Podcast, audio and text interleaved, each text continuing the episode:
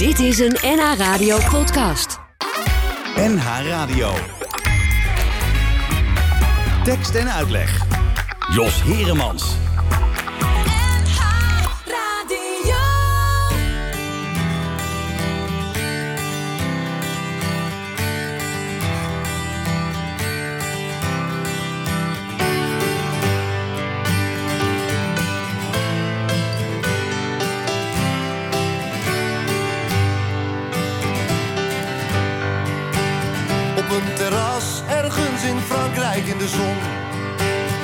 Een man die het tot gisteren nooit won.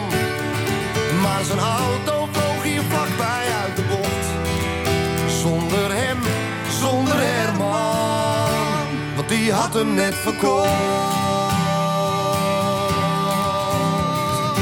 Herman in de zon op een terras, leest in het dat hij niet meer in leven was. Zijn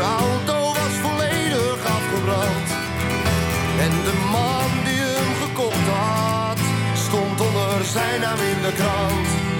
Oh, oh, oh rustig ademhalen. Oh, oh, oh, lijkt op het regent als altijd. Maar het regent en het regent zonnestralen. Een week geleden in een park in Amsterdam had hij zijn leven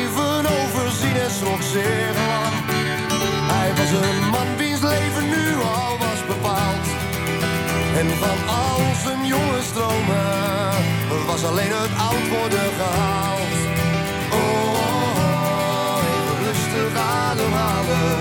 Oh, oh, oh, lijkt op het regent als altijd. Maar het regent en het regent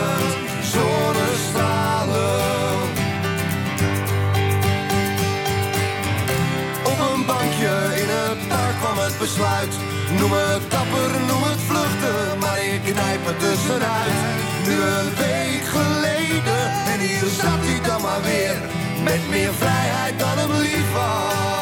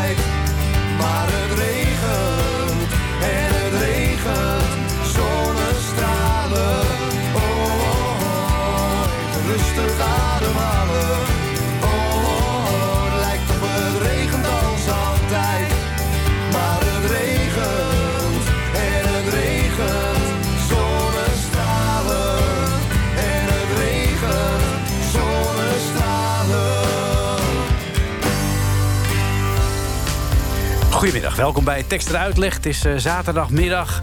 Het is nog een beetje winter, maar het is eigenlijk uh, prachtig mooi weer. Althans voor de tijd van het jaar. Alleen uh, ja, die wind, hè, dat is wel een dingetje natuurlijk. En in deze tekst en uitleg hebben we een gast die nou ja, geboren en getogen is in Noord-Holland in de Wieringerwaard. Het is Gerbrand Bakker. Zijn nieuwste roman heet De Kapperszoon. boven is het stil, dat was natuurlijk zijn grote doorbraak. Is hij wereldberoemd mee geworden, letterlijk en figuurlijk. Zo mogen we toch wel zeggen, Gerbrand? Van mij mag je het alles zeggen. Ja. ik mag alles zeggen. maar ervaar je dat ook zo? Dat dat voor jou de grote doorbraak was? Uh, Met boven is het stil? Ja, dat heb ik wel gemerkt, ja. ja. dat boek is toch wel uh, echt heel erg vaak... ik geloof inmiddels 33 keer, 33 keer vertaald. Ja. In 33 verschillende talen dus. Mm -hmm. En ja, dat heeft toen die fijne prijs gewonnen in Ierland. En het is verfilmd en het is op toneel gezet. Dus ja, dan dan ja. ja. Toen je eraan mee bezig was, hè, aan het schrijven was, had je toen gedacht dat dat zo'n succes zou worden? Echt niet. Nee. Nee, nee. nee. want kijk, ik, ik, ik schrijf altijd uh, gewoon voor mezelf. Hm. En um, dan is het af en dan lever ik het in bij de uitgever. En vaak hm. moet de uitgever mij dan vertellen waar het over gaat. Oh, Eigenlijk, ja. ja. ja want ik schrijf ook nooit vanuit een thema of wat hm. ook. Ik, het komt ergens vandaan en ik schrijf het op en het vormt zichzelf. En op een gegeven moment is het af. Ja. En dan hoor ik altijd graag van de uitgever het thema. Hm. Want er wordt nog wel eens naar gevraagd in een radio-uitzending of zo. um, en uh, dus nee, ik had. Uh, en de uitgever zelf ook niet hoor. Die hadden hm. verwacht dat het eventueel een, een beetje misschien een cultsuccesje zou kunnen worden. Een cultsuccesje? Ja, zo'n hele rustige boerenroman. Ja, god, ja wat, ja, wat moet je ermee, weet je? Hm.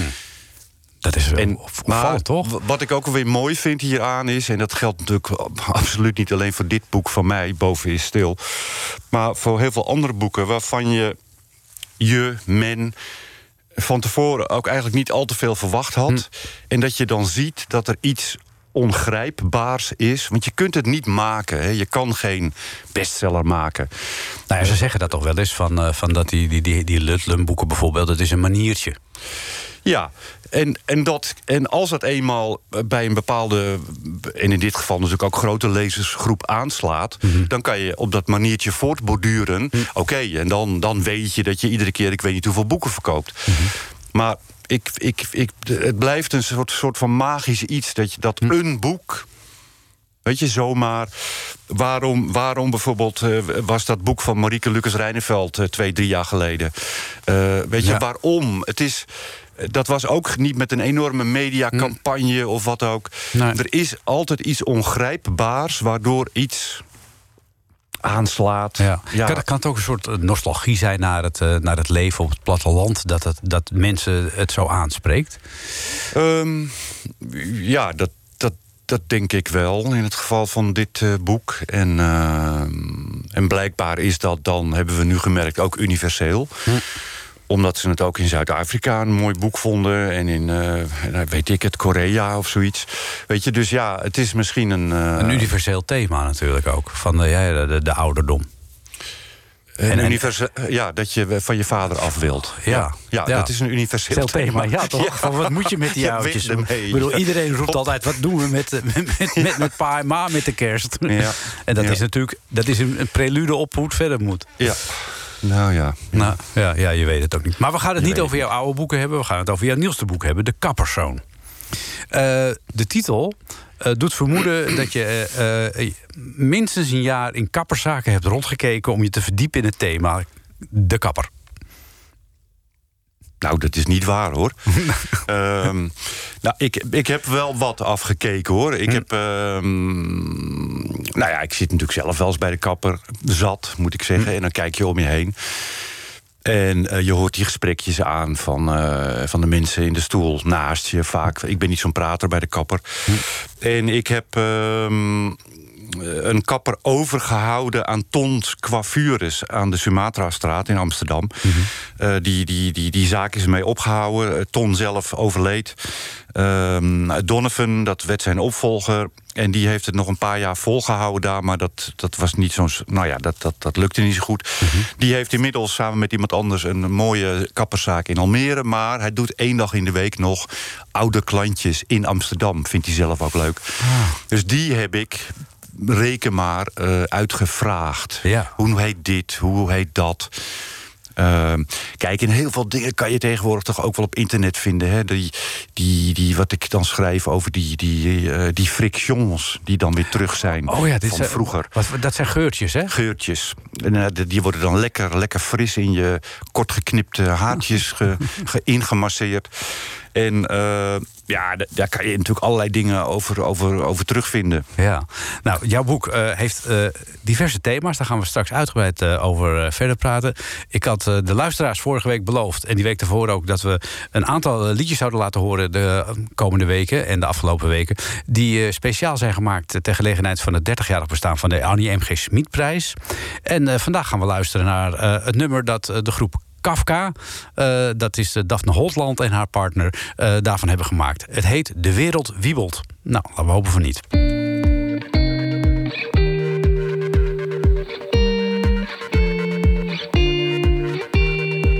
Vreemd hoe het leven door lijkt te gaan. Terwijl alles om me heen voelt als een raar. Op fietsen door de straten. Razend langs elkaar alsof ze altijd maar haastig. Vreemd hoe de regen hier telkens weer valt. En hoe de zon er vaak niet is overdag. Vreemd hoe de talen zo ver van elkaar. Goedendag en goedenacht. De wereld wiebelt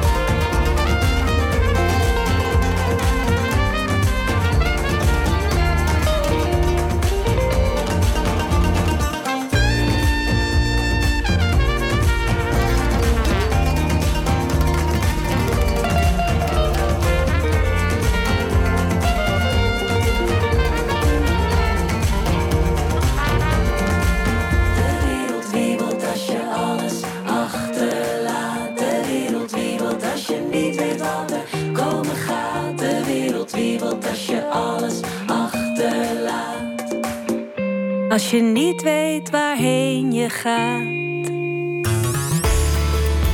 Tekst, tekst, tekst. En, en uitleg. Ja, dat was dus eh, Kafka met De Wereld Wiebelt. eh Daphne Holtland en haar eh, vriend Frank van Kasteren. Samen voor vormen zij Kafka. In tekst en uitleg vanmiddag gast eh, schrijver Gerbrand eh, Bakker. De Kappersoon, dat is zijn eh, nieuwste roman. Ja, en we hoorden net al een beetje in het liedje. als je alles achterlaat. Het is ook een beetje het thema van jouw boek De Kappersoon. Ja, Ja, dat. Ja. Ja, ik zit nu keihard na te denken of dat misschien op meerdere personages. Maar nee, op dat de hoofdpersoon in ieder geval. Nou ja, dat is maar net de vraag. Wie eh, kies je zelf uit als hoofdpersoon in Ja. jouw boek? Wie is de kapperszoon? Want er Ja. zijn er meer. Ja. ja. Leg even uit. eh, kun je in grote lijnen uit, uit een beetje de verhaallijnen neerzetten? Ja, eh, Oeh. Nou, zonder het te Kijk, je verklappen. het, ge- eigenlijk, z- er komen in het boek drie kappers voor. Hm. Eh, grootvader, Jan, die leeft nog steeds, 90. Laat zich ook nog steeds eh, knippen en scheren door zijn kleinzoon Simon. Want die heeft de kapperszaak in de Amsterdamse Jordaan overgenomen van zijn grootvader. Mhm. omdat zijn vader en de zoon van kapper Jan daartussen uitgevallen is, omdat hij omgekomen is bij de uh, vliegramp op Tenerife in 1977. Ja. Ehm, en toch, op de een of andere manier, duikt die zoon, en die heet Cornelis, in het verhaal ook weer op. Ja, we gaan niet uitleggen hoe dat precies zit. Want, nee, want dat is dan toch. Ik, ik ontdekte, dat is, dat is wel grappig, dat je dat. Daar sta je van tevoren niet bij stil. Dit is eigenlijk best een, een lastig boek om te bespreken, omdat je al snel een spoiler weggeeft. Ja, ja, ehm, en daar kom je dan dus inderdaad achter bij gesprekken zoals deze, of een interview voor een krant of zo. Maar ik vond dit eigenlijk wel, dit klinkt, ja, hij duikt weer op, maar hoe precies, dat is een beetje. Laten we het dan doen zonder dat we iets weggeven. En dan wil ik een aantal thema's met je bespreken die in jouw boek voorkomen. Uh, bijvoorbeeld, uh, wat mij uh, bezighoudt. Jij, jij, bent zelf een man die vele verschillende dingen doet. Je bent schrijver, je bent schaatsinstructeur, je bent hovenier. Dat doe je allemaal tegelijkertijd. Tenminste, je verdeelt je tijd er wel over. jouw kappersoon, de jongste, is niet alleen kappersoon, die, die is ook een vervent zwemmer. Ja, ja. Waar haal je dat vandaan? Ja. Um, ja, kijk hier, ik steek nu mijn duim op uit deze dikke duim. Uh, Kijk, die, die, die, die, die kappersoon die moest op de een of andere manier... Uh, en ik geloof dat ik dat al tamelijk vroeg wist... toen, uh, toen ik aan het boek begon... die wilde ik in een bepaalde omgeving hebben. Hm. Um, en uh, kijk, dan kan je hem natuurlijk ook een schaatser laten zijn. Ja, dat uh, zou dichterbij je liggen. Dat ligt dan dichterbij je. En zelf, ik hou helemaal. Ja, ik hou wel van zwemmen, maar dan vooral in zee of uh, weet ik het, als je in Griekenland bent. Maar hm. in een zwembad zul je mij echt niet aantreffen. Okay. Uh, al is het alleen maar omdat ik ben nog steeds een roker. Als je hm. uit het zwembad komt en je steekt een checkie op, dan is dat zo smerig. Oh ja. Ja, dan krijg je een soort van ammoniak reactie of zo vanwege dat chloor. Dat is echt heel vies. Oké. Ja. Dus in een chloorbad kom ik niet. Maar ik had dus voor die hoofdpersoon ja, eh, eh, een plek nodig. Dus ik heb van hem een, een zwemmer gemaakt. Hij mhm. is vroeger ook een beetje een wedstrijdzwemmer geweest, maar dat was hij niet zo goed in. Um, maar het moest een plek zijn waar hij ook zijn andere werk, wat hij krijgt in het boek. Zijn moeder mhm. vraagt hem op een dag. Uh, daar begint het boek eigenlijk mee van... je moet me helpen, want ik zwem hier met verstandelijk gehandicapten... en mijn maatje is ineens verdwenen... en dat moeten we met z'n twee doen, je moet me helpen. En hij heeft er niet zoveel zin in, doet hij toch... En dat warme zwembadje voor die verstandelijk gehandicapten bevindt zich in hetzelfde zwembadcomplex. Dus dan heb je meteen een ja, mooie plek waar alles samenkomt, zeg maar. Ja. Dus vandaar ook geen uh, ijsbaan of een. Of een uh, weet ik het. Nou ja, nee, dat past wel mooi samen. Had je ook een bepaald zwembad in gedachten toen je het schreef? Ik heb het, had het in gedachten. En, ja, ik had het namelijk wel, maar goed. Wat denk jij? Ik dacht aan het Slotenparkbad. Oh ja? Ja. Vanwege die glazen ruim, uh, ruiten en zo, waardoor die naar buiten kon okay. kijken. Ik denk, nou, misschien heeft, uh, had jij dat ook in gedachten. Of misschien anders het Marnixbad. Kijk, nu, nu sla je de spijker op de kop. Maar moet ik dus eerlijk zeggen, ik heb wel tijdens dat ik bezig was met het boek, dacht ik, ik moet toch echt een keer naar dat Marnixbad toe. Hm. Om te kijken of het is zoals ik het me herinner. Ja, dat kan je dan doen, hè, dan kan je het helemaal kloppend maken. Maar aan de andere kant is het juist ook wel lekker om een soort van ik had nog een beeld van dat bad. Mm Ik denk, oh, dat gebruik ik gewoon. En het doet er ook helemaal niet toe of het inmiddels anders is, want dit is een boek. Het is fictie. ik, ik, ik zeg ook altijd maar, ik, ik zal nooit vergeten die lezing die ik lang geleden had met Boven is het stil in Monnikendam. Nou, die mensen die zaten echt uh, als een, als een zevenklapper klaar in die zaal. Want die wilden mij wel eens even horen vertellen hoe ik er in godsnaam bij was gekomen... dat er een praxis is in, de, in Monnikendam. Want die is er namelijk helemaal niet. Die waren boos. Ik zeg, ja jongens, maar dat is nou zo het fijne van een boek schrijven. Hm. Als ik een praxis nodig heb in Monnikendam dan is daar een praxis. Ja, dan schrijf ik hem er gewoon in. Ja. Dan schrijf je het er gewoon in. Dus ik, ik kon putten uit mijn en uh, wat er gebeurt met de hoofdpersoon... want dat is een, de, de, tweede, denk ik, grote lijn in het boek. Wat Simon dus is met dat, Simon, de kapper...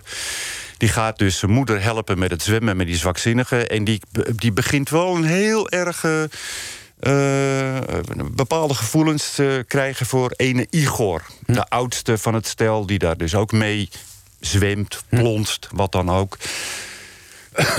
en eh, dat is mijzelf overkomen. In het Mannixbad. Je meent het. 30 jaar, 35 jaar geleden. Ja. Ik ging ook een keer een vriendin helpen. Die had iemand nodig. Ik zeg, nou, dat doe ik wel. Dus ik, ik daar in mijn zwembroekje. Nou, een hele grote, sterke downer met zwart haar. Ook in zijn zwembroekje. Die greep zich aan mij vast. En ik vond dat nogal een heftige ervaring.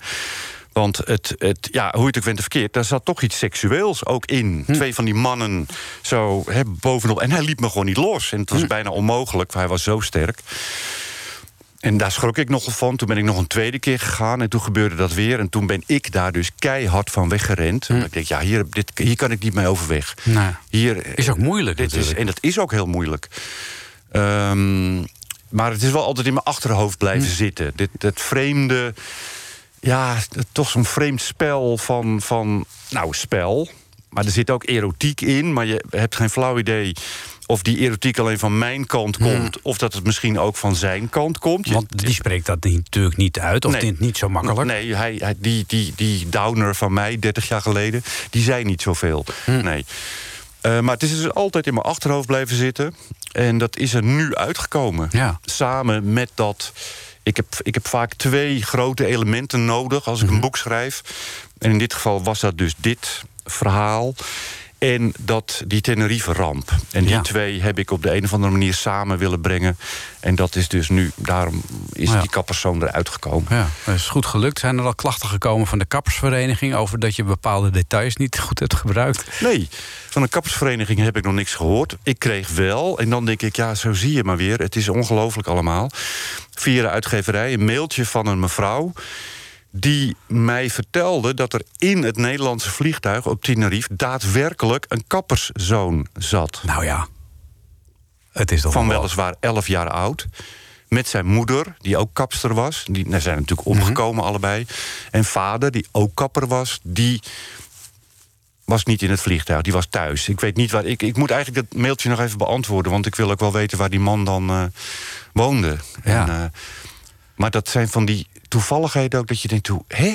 Hoe is het mogelijk? Hoe is het mogelijk? Ja, ja, ja. En zij wist dat weer, hè, omdat het was een jongetje, of eh, een jongen uit haar klas, die, die, die, die ja, het, heeft natuurlijk een enorme impact gehad hier. Enorm toen. Ja, ja, zeker. We gaan daar straks uitgebreid eh, over eh, praten. Het ene thema is zwemmen. Het andere thema, tenminste de, hele ontwikkeling van de persoon in dat zwembad... met dat clubje eh, eh, verstandelijk gehandicapten waar hij mee gaat zwemmen... en hoe die zich verder ook ontwikkelt. Aan de andere kant eh, komt eh, de, de ramp op Tenerife uitgebreid eh, aan bod. Maar we gaan eerst even zwemmen.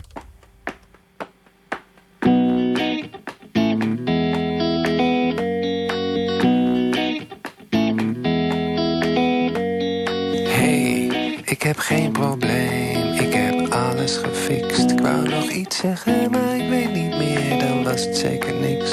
De dag is nog jong, echo's in het trappenhuis, ik hoor iemand zingen. Hey, ik wil alleen maar zwemmen. Hey, de stad houdt zich dom.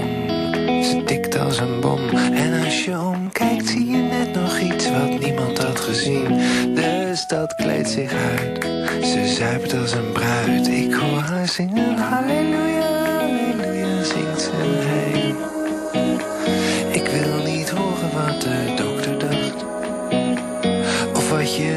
het zo door blijft gaan. Ik wil niet weten wat dat geintje nou uiteindelijk nog heeft opgebracht. Ik wil alleen maar zwemmen. Na.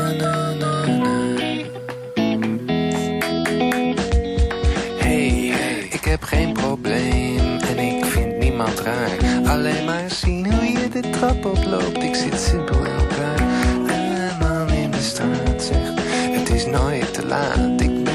geen soldaat, maar ik weet hoe je een trekker overhaalt.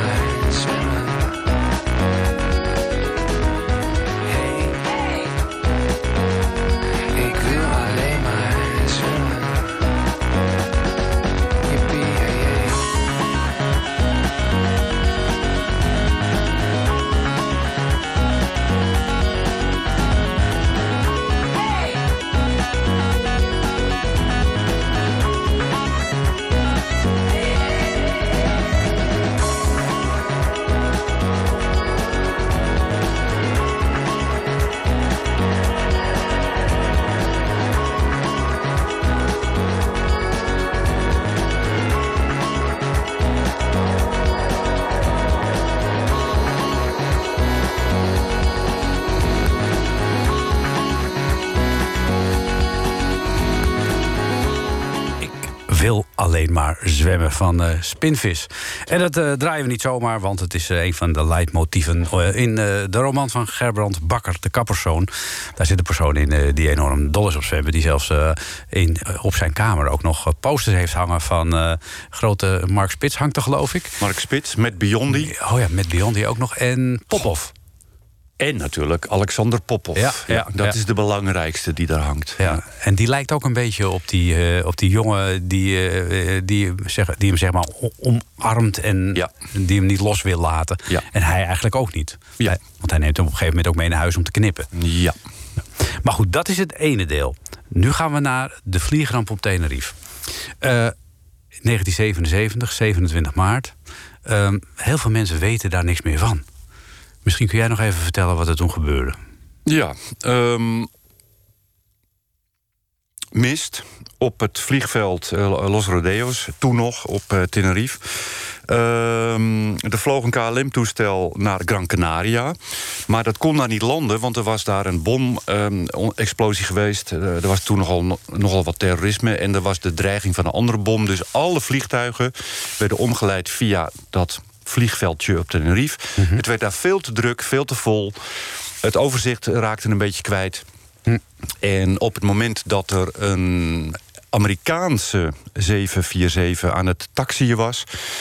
Uh, om, om daarna een draai te maken en te gaan opstijgen steeg het Nederlandse toestel, ook een 747, al op. Ze hm. zagen elkaar niet. En die knalden dus bovenop elkaar. Ja, de grootste vliegramp uit de geschiedenis. Ja, 500. Ik heb. dat is wel grappig. Daar zat ik nog aan te denken toen ik op de fiets zat, net hier naartoe. Um, ik wilde ook eens een boek schrijven waarin niemand doodgaat. Oh. Nee, gewoon een leuk boek. Weet je, grappig. En, en, er mocht niemand dood. Maar toen zat ik op de fiets en dacht ik... ja, maar wacht eens even. Er zijn in dit boek gaan 583 mensen dood. Ja. dus dat zijn er meteen wel heel veel. Maar dat is iets uit het verleden. Um, je, ja, hoofdpersoon, je hoofdpersonen leven allemaal. Hm? De hoofdpersonen leven ja, allemaal. Dat is waar. Um, en um, ja, het is inderdaad een beetje een, een, een, toch een vergeten ramp. Hoewel het inderdaad, wat je zegt, de allergrootste vliegramp uh, tot op heden is. Hm. Um, met ja, zeg maar helft, de helft Nederlandse slachtoffers en, en iets meer dan de helft uh, voornamelijk Amerikaanse slachtoffers. Ja. En ja, het is, het is, ik, ik heb het altijd een beetje zielig gevonden. Wat? Dat, nou, dat, dat, die, dat die mensen zo vergeten zijn. Hmm. Kijk, dat maakt die mensen zelf natuurlijk niets uit, want die zijn dood. Dat snap ik ook wel. En, maar toch altijd een beetje dat gevoel van, ja, sneu. Beetje sneu. Ja, het heeft natuurlijk ehm, ook te maken. Er, er, was nog, uh, er zijn geen beelden van. Dat, dat is één ding. Hè. Tegenwoordig zonder beelden uh, is, is, niet, is iets niet gebeurd. Dat klopt. Er zijn een paar foto's van. Nou ja, en eh, uiteindelijk, als je daar ook eens goed naar kijkt... en dat heb ik niet allemaal in het boek beschreven... want dan zou het nog veel dikker zijn... en dat is ook niet echt helemaal waar het om gaat. Waarschijnlijk zijn er maar twee foto's. Hm. En die zijn op een bepaald moment uitgesneden. Snap je? Er is een uitsnede ah, van gekomen... waardoor het lijkt alsof er nog meer foto's zijn. Maar waarschijnlijk zijn het er maar twee... Um, en uh, ja, het, het, is, het is gewoon echt een beetje een vergeten... wat mede uh, veroorzaakt kan zijn. Omdat een paar maanden later, twee... Uh, die een van de, van de treinkapingen plaatsvond in mei 77. Ah, dat heeft het en daar stond toen Nederland natuurlijk van op zijn kop. Um, en de andere reden, vermoed ik, mhm. zeker nu ik zoveel heb zitten researchen in dit verhaal, mhm. is geloof ik toch wel dat de Rijksluchtvaartdienst en in die zin misschien ook wel de overheid niet zo graag wilde dat het zo groot zou worden, omdat de schuld toch mhm. wel heel erg uh, lijkt te wijzen naar de Nederlandse piloot. En dat is natuurlijk niet plezierig. Nee, want er zijn drie onderzoeken gedaan: een Spaans, een Amerikaans en een Nederlands onderzoek. Ja. Uh, dat Nederlands onderzoek, uh, en ik heb dat ook nog even teruggekeken in de documentaire waar jij het ook over hebt in jouw boek. Dat je, ja. je moest nog even door Fons de Poel heen. Ja. Reporter. Ja, uh, dat is, daarin wordt ook wel duidelijk dat de Rijksluchtvaartdienst gewoon de, de piloot van dat Nederlandse toestel gewoon helemaal in bescherming neemt. Terwijl die gewoon veel te vroeg vertrokken is. Ja. Nee, dat klopt. Als je die, als je die drie eh, naast elkaar legt, dan is uh, de, de conclusie van het Spaanse en het Amerikaanse rapport toch vrij eenduidig. Ehm, ja, in Nederland die heeft altijd maar vol blijven houden. Nee, het was toch echt een, een, een heel cluster aan oorzaken. Die mist en dit en dat en de communicatie en noem het maar op. Maar zeker geen menselijke fout. Maar zeker geen menselijke fout. Maar wat uiteindelijk heel erg blijft staan, is dat die Nederlandse Boeing, met dus die Nederlandse gezagvoerder, al zes seconden op weg was voordat hij daartoe toestemming kreeg. Ja. En zes seconden in een vliegtuig op een startbaan, nou dan kom je al een flink aantal meters. Uh, hè? Ja. Um, ja, er was eigenlijk geen redden meer aan toen. Nee, daar was echt geen redden meer aan. Nee. nee. En, daar, en daar hadden dus de uh, nou, iets meer dan 60 Amerikanen nog het geluk. Dat is ook, mhm. als je die foto ziet... Mhm. om eruit te komen, dat je denkt... nou, hoe dat in godsnaam is, is gelukt. Ja, dat is bizar als je die getuigenis ook hoort van, de, van die piloot. He, met de, over dat bovendek. Ja, ja het, is, het is echt bizar, want het hele bovendek was weg. En hij keek, oh, hè? En hij dacht, ze dachten eerst nog aan... Uh, nou, mensen dachten aan blikseminslag of aan een bom of wat ook. Maar ja, nog iets meer dan 60 mensen zijn er voornamelijk ook uitgeduwd door hm. een Amerikaanse stewardess. Kijk, en die verhalen die vind je dan natuurlijk ook allemaal hè, als, je, als je dat aan het onderzoeken bent. Ja, want pas veel later is men dat uh, uh, meer gaan onderzoeken en gaan researchen en op zoek gegaan naar, na, of, uh, naar overlevenden. In Nederland waren natuurlijk geen overlevenden. Nee. Dus het echte verhaal krijg je natuurlijk ook nooit te horen dan. Nee, nee, nee. Is, uh, nou ja, er wordt wel eens gezegd, en die komt ook een heel klein beetje voor in, in mijn boek, uh, zonder naam, dat er één overlevende is. Hm. Ehm, maar dat is natuurlijk niet waar, want die, dat is, was een, eh, een hostess van Holland International... Hm. die eenvoudigweg uit het vliegtuig gestapt is. Ja, die op Tenerife, want daar woonden ze. En anders had ze weer moeten vliegen naar Gran Canaria en dan weer terug. Ah, ja, zo. Dus, die is gewoon, dus dat vind ik geen overlevende. Nee, nee, dat is gewoon, uh, maar het idiote is wel, en dat kon dus in die tijd nog... haar koffer is gewoon meegevlogen nou ja, dat korte stukje. Maar ja. dat zou, die zou gewoon meevliegen naar Gran Canaria. Dat kon gewoon in die tijd. Dat is nu natuurlijk ondenkbaar dat, er een koffer in een vliegtuig zit zonder de passagier. Ja. Ja, dat is heel raar. Er zit nog zo'n gek ding in. Uh, dat, uh, dat kwam ook in die documentaire naar voren. Van dat de boordwerkgetuigkundige die zei van... is die PNM, die, die, die rijdt er toch nog? En dat die piloten, alle twee, de eerste en de tweede piloot... zeiden van nee hoor, die is weg. Ja. En dat, dat dan volgens het protocol moet je dan de, de start stoppen. Stoppen, ja. Ja. Dus, dus, daar zijn natuurlijk heel veel fouten gemaakt. Ja, daar zijn echt heel veel uh, rare fouten gemaakt. Vanuit haast. Ja, en misschien ook wel. En achteraf later weer natuurlijk. Misschien ook wel om de belangen van de KLM en de Nederlandse trots te beschermen. Ja, zeker. Ja, wat een lobby dan eigenlijk, hè? Ja. Ongelooflijk. Ja, en hoe dat werkt. Nou ja, en dat je dan ook nog ontdekt... maar ja, goed, dat is dan weer even een heel klein zijspoortje in dat boek ook... dat er een onderzoeker was toen, mhm. een vooronderzoeker waarschijnlijk vanuit de KLM, die er van alles aan deed om ter plekke mhm. eh, eh, eh, dingen te vinden die voor de Nederlandse zaak zouden pleiten. De Spaanse verkeersleiding zat naar een voetbalwedstrijd te kijken. en dit en dat. Mhm. Allemaal de dingen die erop zouden wijzen dat de schuld bij die Spanjaarden lag. Ja.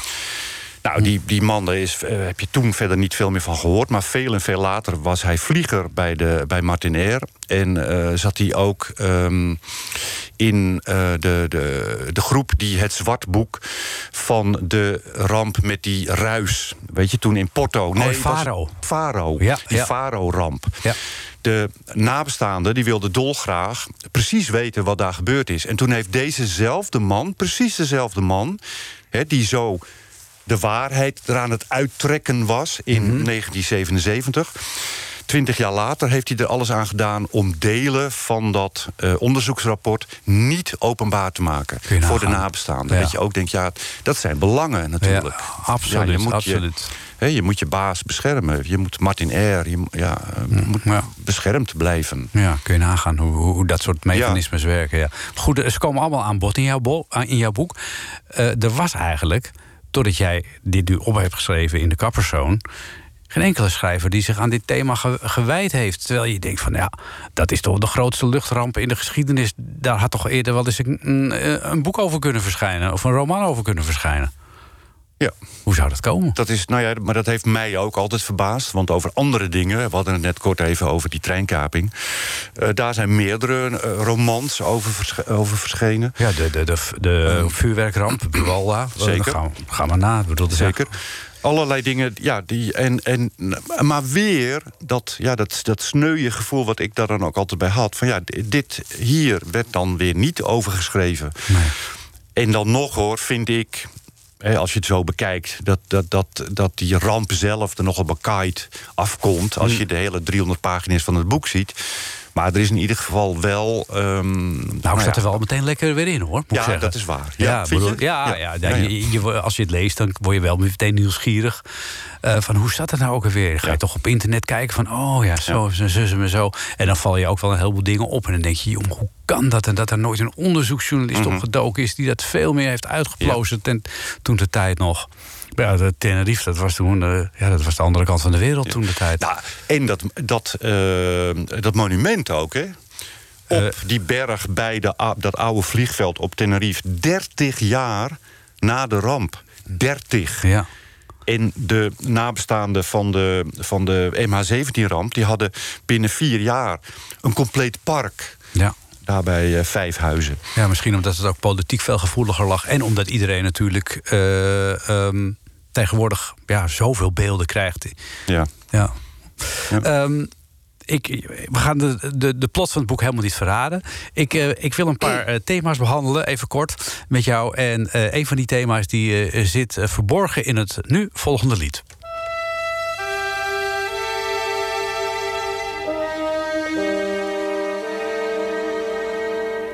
Telkens weer haal ik me in hoofd dat ik die hemel krijg die me wordt beloofd. Telkens weer wordt alle blauw weer grauw, sta ik teleurgesteld buiten in de kou.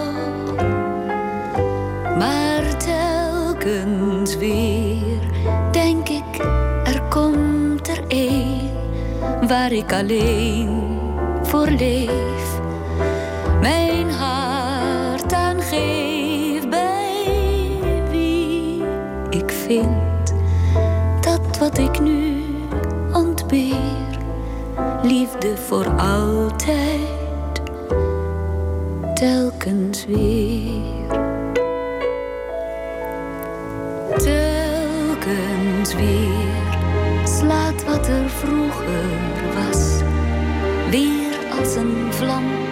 omhoog uit de oude as.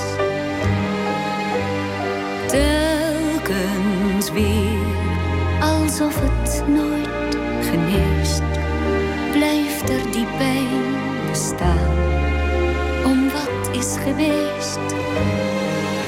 Maar telkens weer denk ik, er komt er een waar ik alleen.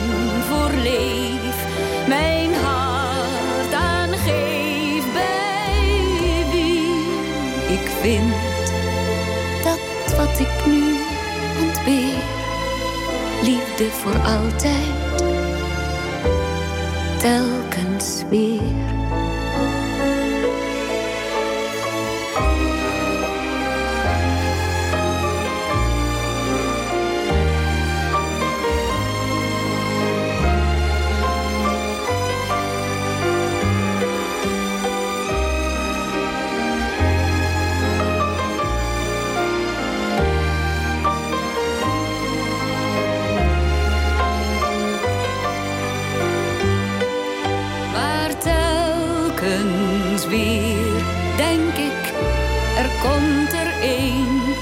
Waar ik alleen voor leef. Mijn hart aangeef bij wie ik vind dat wat ik nu ontbeer, liefde voor altijd, weer. Telkens weer van eh, Willy Alberti. Muziek van Ruud Bos. Tekst van eh Friso Wiegersma. Willeke. Willeke, jou zei ik Willy? Ja, je zei Willy. Nou ja, zeg. Nou, dat geeft niet. Het is een vader. Goed dat je er bent. Ja, goed, en dat heb ik dan tegen Gerbrand Bakker. Hij schreef de kappersoon. En eh, dit lied, telkens weer, dat komt daarin voor. Eh, en dat zit er niet zomaar in, eh, Gerbrand. Want daar zit een woord. eh, een, een woord gaf daar een aanleiding toe. Uit die tekst. Ja, het, het woord ontbeer. Ontberen. Ja, dat vond ik ook zo mooi dat je dat bedacht hebt. Nou ja, ik heb natuurlijk dat woord niet bedacht. Nee, maar, dat het erin moet komen. Nou ja, ja, kijk, soms je hebt van die... En, de, en dat, eh, ja, ik vind het zo'n prachtig woord. Ehm, het is, ja, je kan, hè, je kan zeggen missen. ehm, maar eh, ja, het is, een, het is veel dieper. Ik weet het niet. Het is veel... eh, en inderdaad, op een gegeven eigenlijk. moment... Hm? Basaler misschien wel. Ja. En op een gegeven moment dan wordt het eh, uit volle borst door twee personages eh, gezongen in, eh, in eh, de Queen's Head Bar in eh, Amsterdam aan de Zeedijk, hè? Is het zeker? Ja. Ja, jij weet dat. Ja. Ja. Ja, nou, dat, dat, dat is dus één, uh, één lied. Er is een ander lied dat ik je ook even wil laten horen. En dan moet je ook even uitleggen wat het met jouw boek te maken heeft.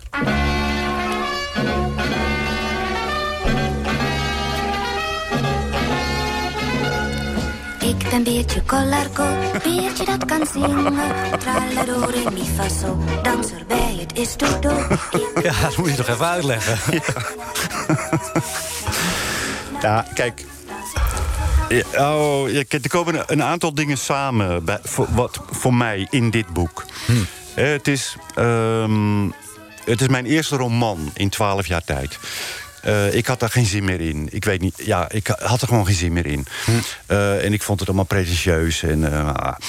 tussendoor ehm, ben ik wel blijven schrijven. Want dat kon ik niet missen. Dat merkte ik toen. Ik denk, ja, ik kan wel geen roman me- meer willen, maar ik wil wel schrijven.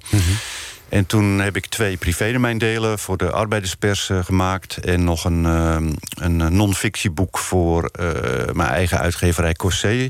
Rotgrond bestaat niet, over tuinen en natuur.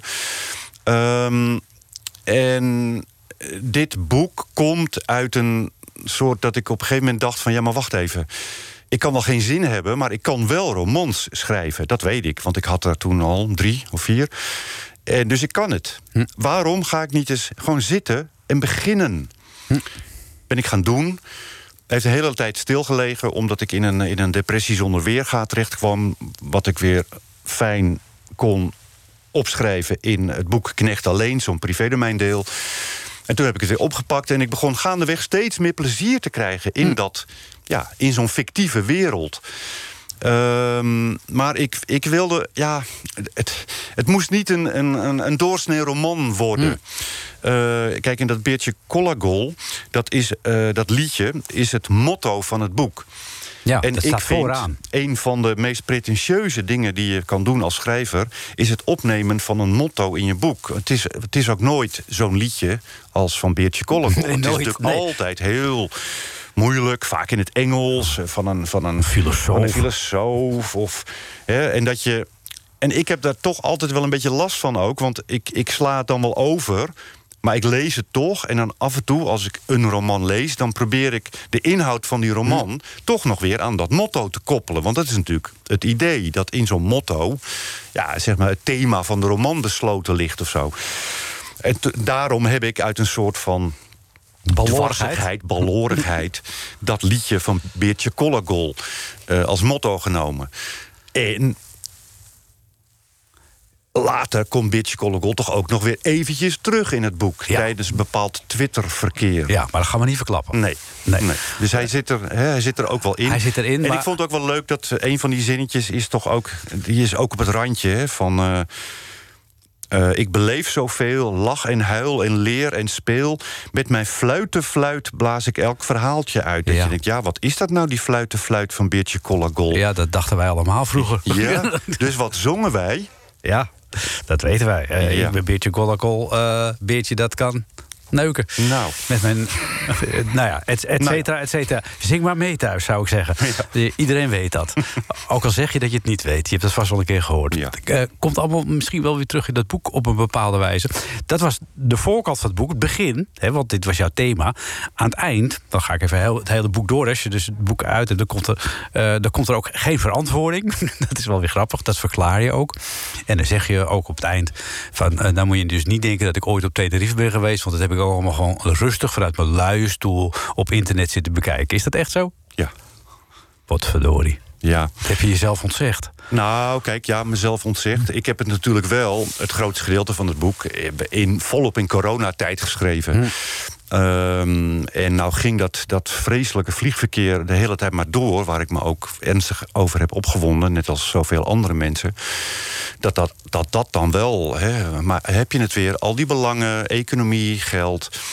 Ehm, dus ik had naar Tenerife kunnen vliegen. Maar ik vond dat voor mezelf ook niet... Ik, ik zag mezelf ook niet vol opgepropt met allerlei andere mensen. Want natuurlijk loop je daar een juist corona op. Eh, dus daar had ik al geen zin in. En ja, hoe je het ook wint of keert... ehm, je kan het allemaal vinden joh, tegenwoordig Ja. op bij Street View eh, en- en noem het maar op. Je, je kan een hele wandeling ge- gewoon uit. Het is natuurlijk nooit helemaal, want je, je ruikt er niks bij. Ehm, wat in mijn boeken altijd wel heel belangrijk is, ruiken. Die, die sensitieve dingen, eh, aanrakingen en zo. Maar ja, het is niet nodig. Ehm, Nou, dan hoef je het ook niet te doen. ja, dan hoef je het dus ook niet te doen. Nee. Dat heeft me ook echt veel geld bespaard. Ik kan me voorstellen. Ja. Ja, dat is ook... En kijk, je hebt natuurlijk allemaal wel. eh, ik ben eh, niet heel lang geleden eh, bijvoorbeeld op een, op een Grieks eiland geweest. Hmm. Nou ja. Een Grieks eiland, weet je, met van die dennenbomen en zo, en zee.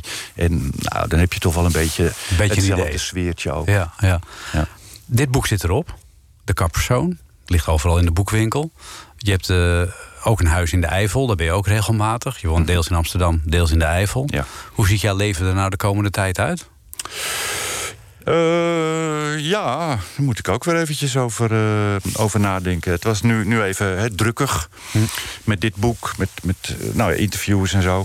Ehm, maar wat ik even over het hoofd gezien had... was dat in Duitsland nu die Knecht Allein... dat tweede privédomeindeel uitkomt.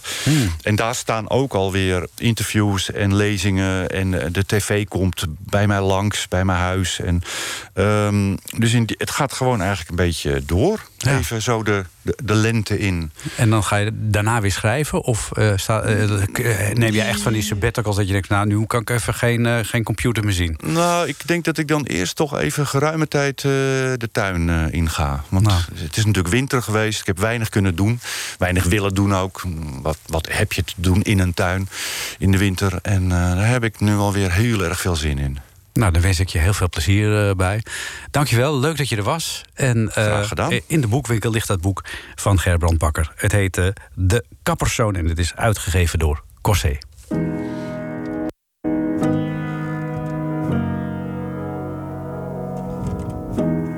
glashard in mijn gezicht.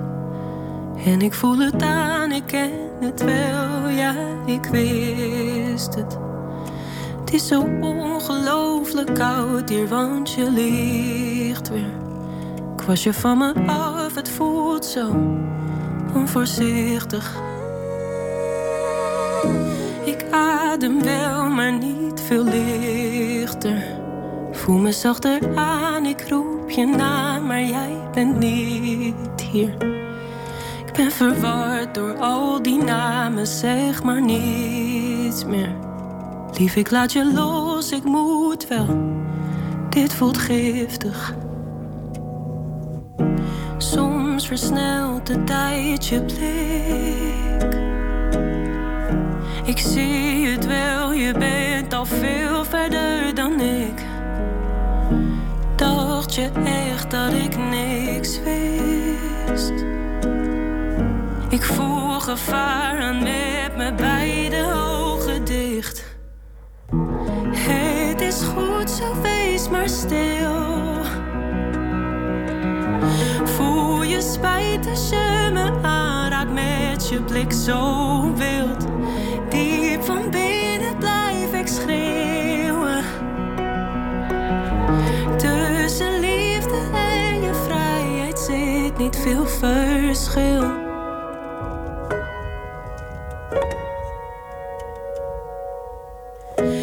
Twijfel aan mezelf soms. Had ik je meer ruimte moeten geven dan ik toen dacht? Zouden wij nog samen zijn als jij niet meer die drang had?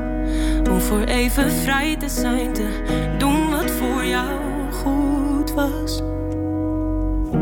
Soms versnelt de tijd je blik. Ik zie wel, je bent al veel verder dan ik. En zij dacht vast dat ik niks wist. Van al die leugens die je steeds weer hebt gewist. Het is goed, zo wees maar stil. Voel je spijt als je er je blik zo wild. Diep van binnen blijf ik schreeuwen. Tussen liefde en je vrijheid zit niet veel verschil. Dat was Bente met Het is goed zo. Straks na zessen Ferdy Bolland met het eh, Gouden Hitsmuseum. En ik wens je nog een gezellige zaterdagavond.